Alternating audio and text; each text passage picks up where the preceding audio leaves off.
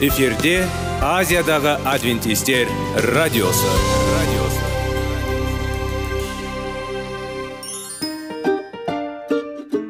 сәлем достар. Денсаулық өмір бұлағы және біздің бірінші байлығымыз демекші денсаулық сағаты рубрикасына қош келдіңіздер. Біздің рубрикада біз әртүрлі факторларменен мәліметтерменен кеңестерменен бөлісіп шын жүректен сіздердің дендеріңіз сау болғанын қалаймыз.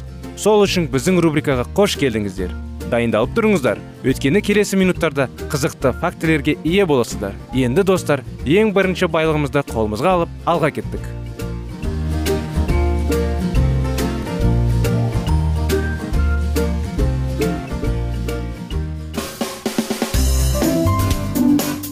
Денсаулық туралы хабар. Денсаулықтың ашылуы. Күн сайын сөз үшін күшті кеңестер соңғы жаңалықтар қызықты факторлар. Біздің рубрикада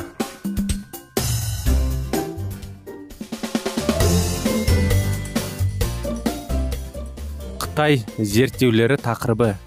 Денсаулық сағат бағдарламасында құрметті достар. Армысыздар ассалаумағалейкум біздің тыңдаушыларымыз. Тақырыбымызды ары қарай жалғастыра кетеміз. Менің жеке тәжірибемнен басталған және тамақтану мен денсаулыққа қатысты жаңа көзқараста қалыптастырылған бұл оқиға кітапқа арналған. Бірнеше жыл бұрын корнелл университетінде мен вегетариандық тамақтану деп аталатын жаңа элективті курс ұйымдастырып сабақ бере бастадым. Бұл оны енгізудің алғашқы жағдайы болды. Американдық университеттегі курстар және ол мен ойлағаның әлде қайта танымал болды. Бұл курс өсімдік негізіндегі диетаның денсаулық үшін маңыздылығын назар аударды. Массачусетс технологиялық институтында және вирджиния политехникалық институтында біраз уақыт жұмыс істегеннен кейін содан кейін 30 жыл бұрын корнелл университетіне оралғаннан кейін маған химия биохия физиология және токсикология ұғымдары мен қағидаларын жоғары деңгейлі тамақтану курсында біріктіру тапсырылды. 40 жыл ғылыми зерттеулердің білім беру саласындағы және қоғамның ең жоғары деңгейіндегі саясаттағы қызметтен кейін мен бүгін осы пәндерді бірыңғай сенімді тұжырымдаға толығымен құзыртетті түрде біріктіре аламын деп ойлаймын. Мен соңғы курсты дайындаған кезде дәл осылай істедім. Және менің көптеген студенттерім семестрдің соңында олардың өмірі жақсы жаққа өзгеретінін мойындайды. Мен сіз үшін де осылай істегім келді. Сіздің өміріңіз де өзгереді деп үміттенемін. Бірінші бөлім қытай зерттеу. Бірінші тарау. Біз кездесетін мәселелер бізге қажет шешімдер. Қалай түсіну мүмкін? Ауру адамдар кімде кім біледі? Олар немен қоректенеді? Гиппократ медицинаның негізін қалаушы. Біздің ғасырға дейін 460-357 жылы. 1947 жылы бір күн шуақты таңертең жаздың соңында күздің қарсында біздің отбасылық сүт фермасында толық тыныштық болды. Өткен көліктердің даусы да аспанда ақ із қалдыратының ұшақтардың даусы да естілмеді. Жай ғана тыныштық әрине құстардың әні сиырлардың дауысы және кейде қораздың айқайты естілді. Бірақ бұл дыбыстардың бәрі тыныштық пен тыныштық сезімін күшейтті. Мен бақытты 12 жасар бала. Сарайымыздың екінші қабатында тұрдым. Оның үлкен қоңыр қақпасы күн сәулесін ішке кіргізіп ашық тұрды. Бұған дейін мен жұмыртқа бекон шұжық қуырылған картоп пен ветчинадан тұратын тығыз рустикалық таңғы ас ішіп соның бәрін ескі стакан жана сүтпен ішедім анам керемет тамақ дайындады. Мен тәбетімді таңертеңгі сағат бестен бастап әкем томмен және ағам джекпен бірге сиыр сау үшін тұрдым. Сол кезде 45 жаста болған әкем сол тыныш шуықты таңертең қасымда тұрды. Ол 23 килограмм жоңышқа тұқымының қанатын жойып барлық ұсақ тұқымдарды сарай еденіне біздің аяғымызға жайып содан кейін қара зеңбірек қорабын ашты. Зеңбірек ол маған түсіндіргендей жоңышқаның өсуіне көмектесетін бактериялар болды. Олар тұқымдарға жабысып өмір бойы өсімдікті бөлігі болды. Менің артымда тек екі білім қаласы болғандықтан менің әкем бұл бактериялар жоңышқаға ауадағы азотты ақауызға айналдыруға көмектесетінін мақтан тұтты. Ол түсіндіргендей ақауыз өсімдіктерді жейтін сиырлар үшін пайдалы. Сондықтан сол күні таңертең бактерияларды жоңышқа тұқымдарымен алмастыру біздің жұмысымыз болды. Мен әрқашан қызығушылығымен ерекшеленді. Сондықтан әкемнің күші бұл процесс неге және қалай жүреді? Ол түсіндіруге қуанышты болды. Мен тыңдаймын. Ауыл баласы үшін бұл маңызды ақпарат болды. Бұл жеті жылдан кейін. 1963 жылы менің әкемде алғашқы инфаркт болды. Ол кезде ол 61 жаста еді. 70 жасында ол екінші үлкен инфаркттан қайтыс болды. Мен мұнайдым. Менімен және ағалармен көп уақыт өткізген әкем рами рустикалық тыныштықта және мән әлі күнге дейін бағалайтын нәрсені үйреткен әкем өмірден кетті. Бүгін оданға жылдар бойы тамақтану және денсаулық саласындағы тәжірибелік зерттеулерге арнай отырып мен әкемді өлтірген ауруды жүрек ауруын алдын ала анықтап тіпті емдеуге болатындығын білемін жүрек қан тамырлары денсаулығын жүрек және өнер өмірге қауіпті хирургиясыз және әлемге әкелетін дәрі дәрмектерді қолданбай қалпына келтіруге және сақтауға болады. Бұл тек дұрыс тамақтанудың қажет ететінін білдім. Бұл тамақ біздің өмірімізді қалай өзгерте алатындығы туралы әңгіме. Мен өзімнің зерттеушілік және оқытушылық мансабымды күрделі құпияны ашуға арнадым. Неге аурулар біреулерге кедергі келтіреді және басқаларды айналып өтеді? Енді мен шешуші фактор тамақ екенін білемін. Бұл білім қазір өте пайдалы. Біздің денсаулық сақтау жүйесі тым қымбат. Ол көп адамды қамтымайды және денсаулықты нығайтуға ықпал етпейді. Және аурудың алдын алу. Көптеген томдар осы мәселенің ықтимал шешімдеріне арналған. Бірақ прогресс өте баяу қарқынымен жүреді. Біреу ауырып қалғысы келеді ме? Қатерлі ісік ауруынан болатын өлім деңгейі өсуде. Кәдімгі ойларға қарағанда қатерлі ісік табиғи процесс емес. Дұрыс тамақтану және салауатты өмір салтын қолдану арқылы қатерлі ісік түрлерінің алдын алуға болады. Сіз әдемі және тыныш қартаюыңыз керек және қажет.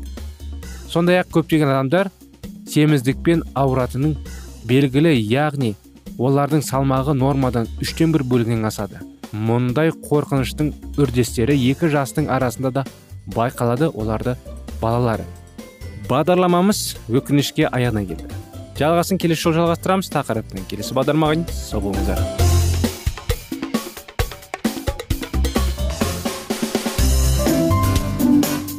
Денсаулық туралы хабар. Денсаулықтың ашылуы. Күн сайын сөз үшін күшті кеңестер соңғы жаңалықтар қызықты факторлар біздің рубрикада.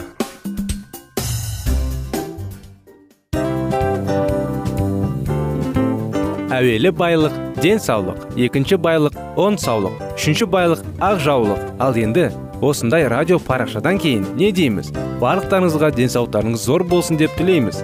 Денсаулықтың өзгеруі кішкентай нәрселерден басталады. Осымен біз берген кеңестер мен мәліметтер шын жүректен сіздер үшін қандай да бір болсын жәрдем берді деп үміттенеміз. Тыңдаушыларымызбен келесі радио парақшасына дейін қоштассамыз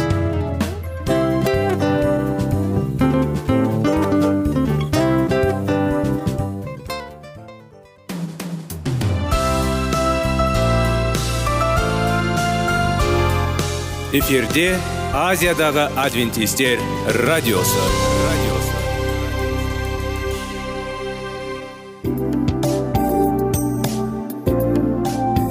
сәлем достар. Барлықтарыңызға шын жүректен сөйлесейік рубрикасына қош келдіңіздер деп айтпақшымыз. Шын жүректен сөйлесейік бағдарламасы әртүрлі қызықты тақырыптарға арналған. Шындығында шын жүректен сөйлесейік деген сөздің мағынасы екі достың екі адамның ортасындағы шын жүрекпен сөйлесуі бір біріне сенуі ашықтық пен шындықты білдіреді. Сол үшін біздің бағдарламалар әртүрлі қызықты тақырыптарға арналған. Дайындалыңыз жаңа қызықты мәліметтерге ие болуға ондай болса кеттік.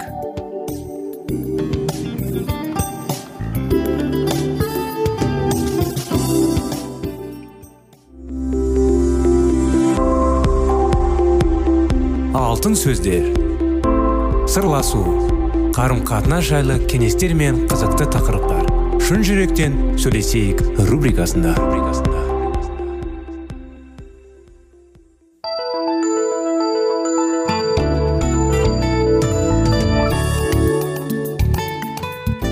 Сәлеметсіздер ме армысыздар құрметті достар құрметті радио тыңдаушыларымыз сіздермен бірге сіздердің назарларыңызға шын жүректен сөйлесейік бағдарламасы. 25 керемет неке тақырыптарын жалғастырудамыз. Чарльз тамаша әзіл сезіміне ие болды. Және каламбураны өте жақсы көрді. Оның кітапханасында жоғарғы сөрелер әзіл атаулар бір кітаптардың жаңағындай муляждарымен соғылды. Онда жаңағындай столының терезелерін желдету берлоқтың түсінуі кафтың басы криктің жасыл бридіждің ағыны арқылы және данеттің тек қана дәмін көр сияқты еңбектер болды. Алайда жалпы чарльз әрине кітаптарға өте маңызды болды. Сюзи өзінің студенттерге дәрістер деп аталатын жаңа кітабының қырларының оқуға ұсынды. Ол кітап туралы ойлайды деп сұрады.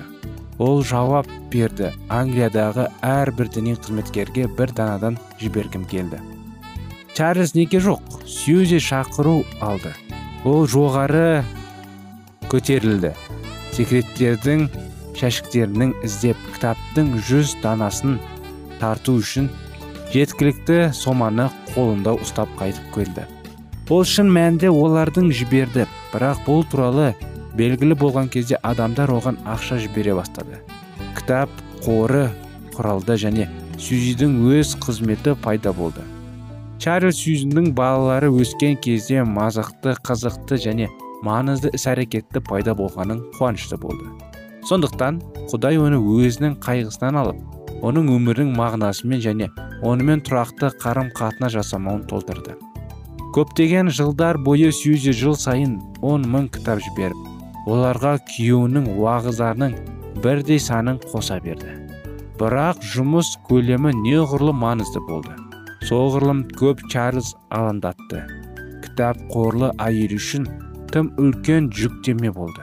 Денсаулық қиындықтарына басқа сөзе қорқыныштарға қатысты басталды. Чарльз қыста ал кейде жазда емдеуге немесе уағыздауға кеткен кезде ол тек құдайға сенуге қалды. Өйткені күйеуінің қасында болған жоқ. Олардың жатын бөлмелерінің қабырғасына сені қайғы қасірет көрдім. Екеуі де осы жаңағыдай гарнелде көп жыл болды. Екі депрессия болды. Чарльз былай деді қатты азап жер асты түрмелері бар. 1892 жылдың қаңтарында чарльз францияның оңтүстігіне қайта барды. Бірақ биыл бәрі басқаша болды. Дәрігерлер сьюзи онымен бірге баруға рұқсат берді. Ол елеулі жеті жаста болды. Бірақ ауруға байланысты ол әлде қайда үлкен болды.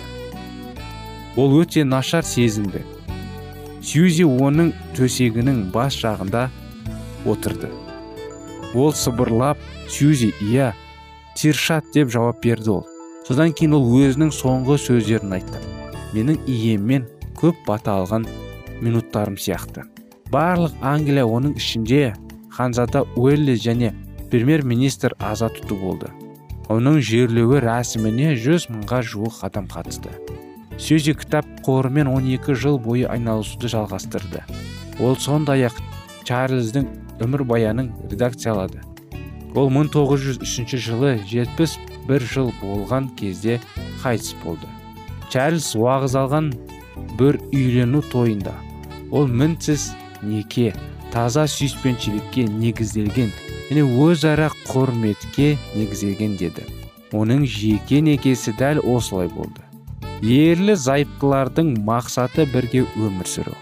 Олар соншалықты жақыннан болған сәттер бар ешкім бұл жерде бірінші кім ал екінші кім деп айта алмайды.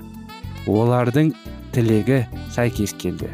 Олардың бір жүрек соғылады бірте бірте және олардың ойлары өте ұқсақ болды. Олар бір біріне жақын бір біріне ұқсас болды. Сол сияқты бір сөзбен айтқанда бір сөзбен бір уақытта олардың еріндерінің ұшып кеткен. Егер жұмақ жер бетінде мүмкін болса олар сонда болар еді. Әрине құрметті достар көптеген жанұяларда татулы бір бірін өмір бақи сүйіп өтетін жанұялар көп. Бірақ бір бірімен қырылысып өмір бақи қырылысатындар да көп. Сіздерге кеңес бір біріңізді түсініп махаббаттарыңызбен бөлісіп бір біріңізбен жиі сөйлесіңіздер. Әрине сіздер достарыңызбен жұмыста өзің жұмыстағы өзіңіздің коллегаларыңызбен жиі хабарласып сөйлесіп олармен қалжыңдап әңгімелесіп серуендерге де шығып корпоративтер істеуге тырысасыздар. Рас қой. Сондай көзқараспен әрине сіздер өздеріңіздің үйіңізде де болу керек. Мысалы балалар тәрбиелейтін тақырыптардың бірінде ә, бір кеңес алған едік. Бір анаға сұрақ қояды. Сіз жұмысыңызды керемет істейсіз ба? Иә дейді. Сіз жұмысыңызға барлық күш қуатыңызды саласыз ба? Иә қолыңыздан келген бәрін істеуге тырысасыз ба? Иә жұмысыңызды ұнатасыз ба? Иә кешікпеуге тырысасыз ба? Иә сол сияқты неге сіз балаңызға да қарамайсыз дегендей. Сол сияқты неге сіз жанұяңыздағы өзіңіздің ер әйел адам сіз әйеліңізге сөйтіп қарамайсыз? Әйелсіз неге сіз өзіңіздің күйеуіңізге солай қарамайсыз? Мысалы қазіргі уақытта жаңағы смартфонда көптеген кісілер смартфонға кіріп беріліп кетеді. Инстаграмға анауға мынауға әрине достарымен бір бір бірін өзін көтермелеп өзін көкіректік сезіммен өзін сондай сезіне ма өзін солай ұстай ма? Бірақ оның бәрі дұрыс емес. Әрине күйеуі әйел сүю керек. Әйелі күйеуін сүю керек. Бір бірімен сөйлесіп бір бірін жаңағыдай романтикалық нәрселер ұйымдастырып ең бастысы әрине бір бірін үшін құдайға сүйіну керек. Бір бірі үшін. Екеуі бірге болған кезде де бірге сүйініп ал екеуі жеке бір жұмысында ма жеке бір бірінен алыстау болған кезде бір бірін әрине әлдайым сүйінуге тырысу керек. Бүгінгі күнде осындай кеңестер сіздердің назарларыңызға құрметті достар. Осындай 25 керемет некенің оқиғаларының арасында. Осымен біздің бағдарламамыз аяғына келіп жетті. Сіздерді қуана келесі бағдарламамызға шақырамыз. Сондықтан келесі жолға дейін сау саламат болыңыздар.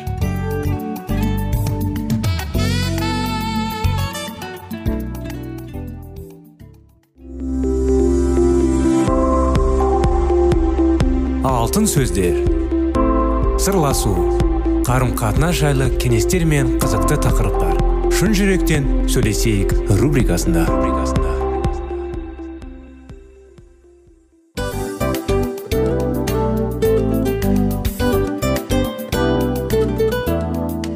Құрметті достар барлық ең соңғы кеңестер аяқталған соң біздің программамыз соңына келіп қалды. Осы біздің мәліметтер осы рубрикада айтылған әрбір сөздер сіздерге өзінің қандай да бір пайдасын алып келді деп шын жүректен сенеміз. Және бұдан да көптеген рубрикаларымыз бар. Басқа рубрикаларымызда біздің зерттеулерімізде сіздер үшін тағы да қызықты мәліметтер дайын.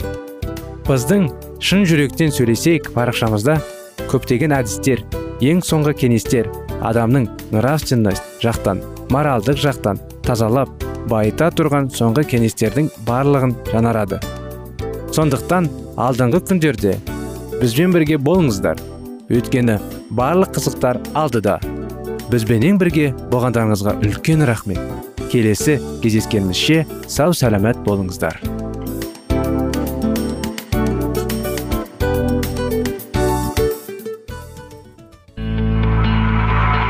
Дүниеңді байытқан жүрегіңді жаңғыртқан өмірдің мағынасын ойландырған рухани жаңғыру рубрикасы.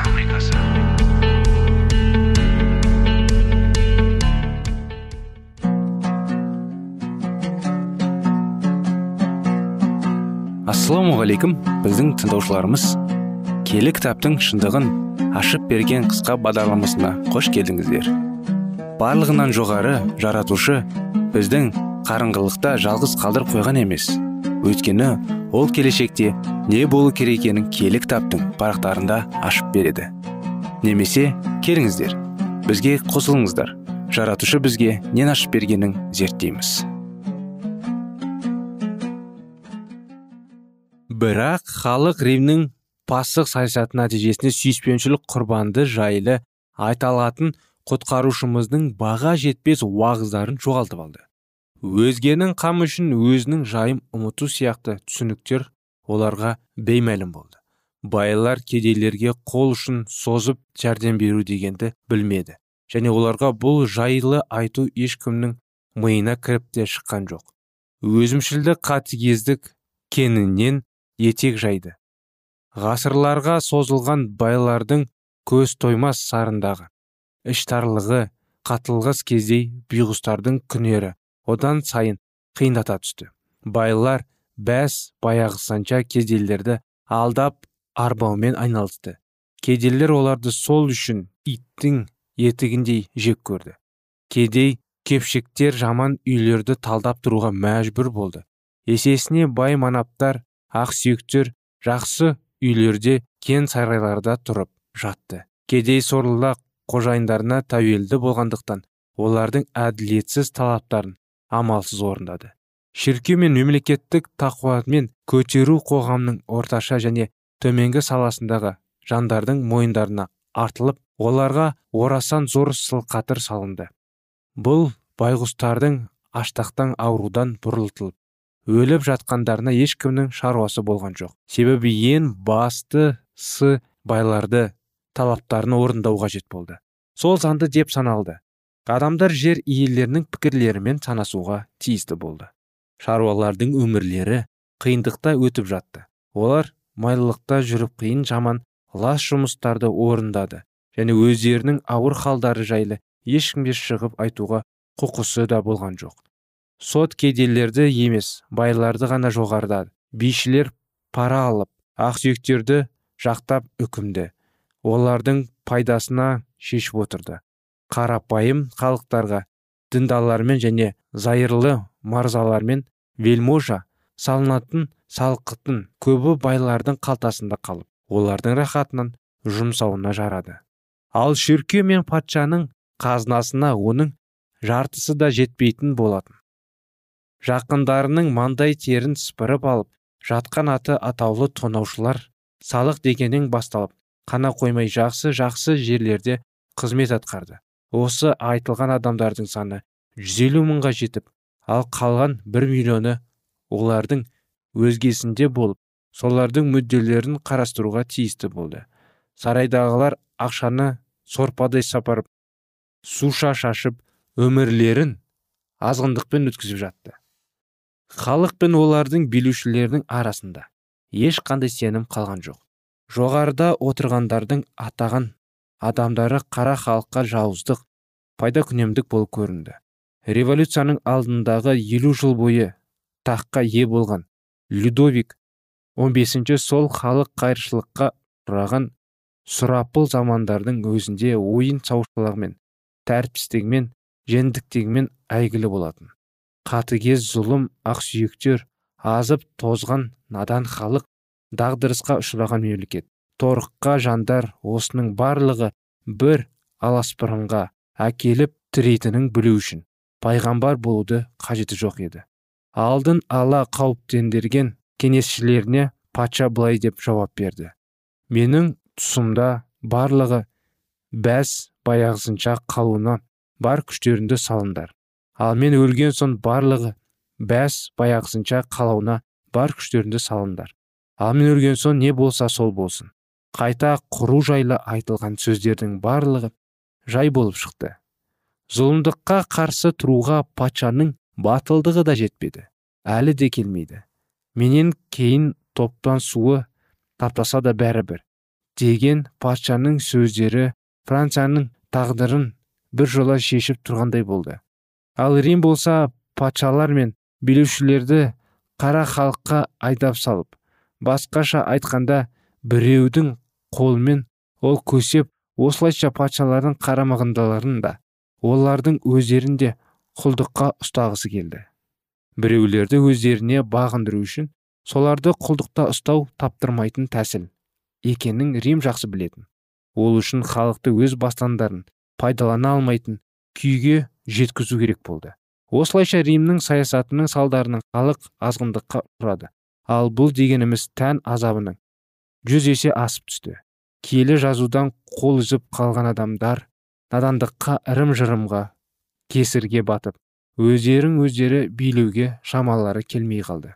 Десе де мұның ақыры римнің көздегендей болып шыққан жоқ. Рим өздерінің догмалары күшпен сендіріп ұстағысы келген халыққа ие бола алмай қалды. Сөйтіп халық ештеңеге иланбай революционерлер мен безбүйректер болып шыға келді.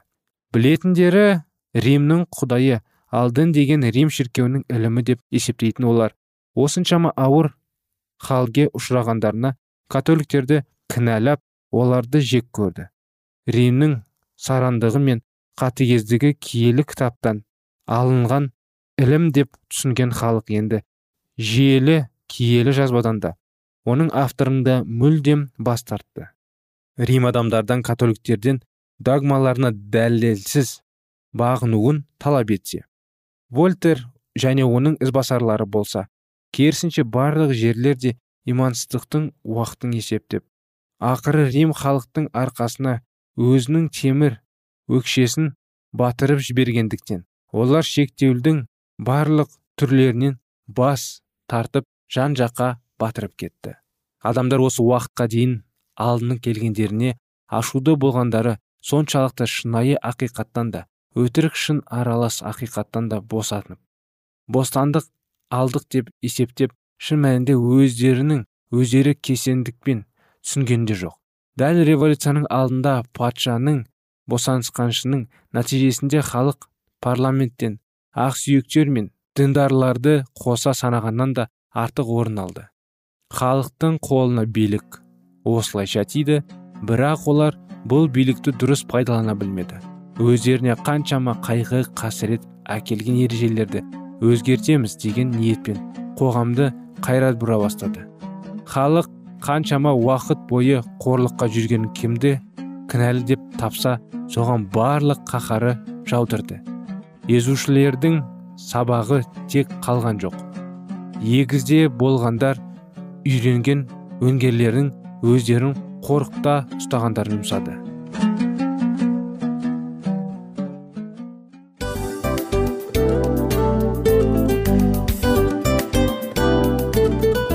осымен достар программамыздың зерттеуіміздің ең қайғылы минутына жеттік. Қайғылы дегенде бағдарламамыз тез арада өтті де кетті. Соған көңіліміз деп тұр. Жарайды қайғыны қояйық. Бүгінгі 24 сағаттың алтындай жарты сағатын бізге бөліп арнағаныңыз үшін рахмет. Егер де өткен сфераларда пайдалы кеңес алған болсаңыз біз өзіміздің мақсатымызға жеткеніміз.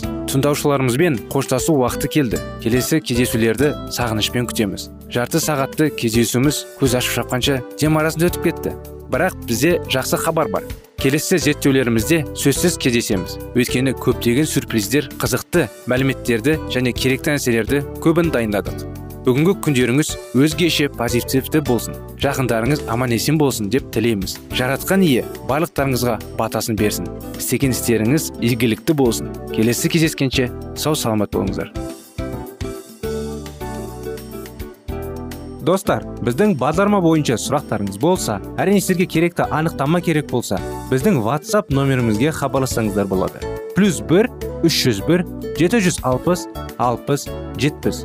Иә достар сіздер қателеспедіңіздер бұл біздің номерлерге ұқсас болмаса да бұл whatsapp номер арнайы. Хабарласыңыздар сұрақтарыңызды қойып тұрыңыздар. Анықтаманы алып тұрыңыздар. Плюс бір үш жүз бір жеті жүз алпыс алпыс жетпіс whatsapp номері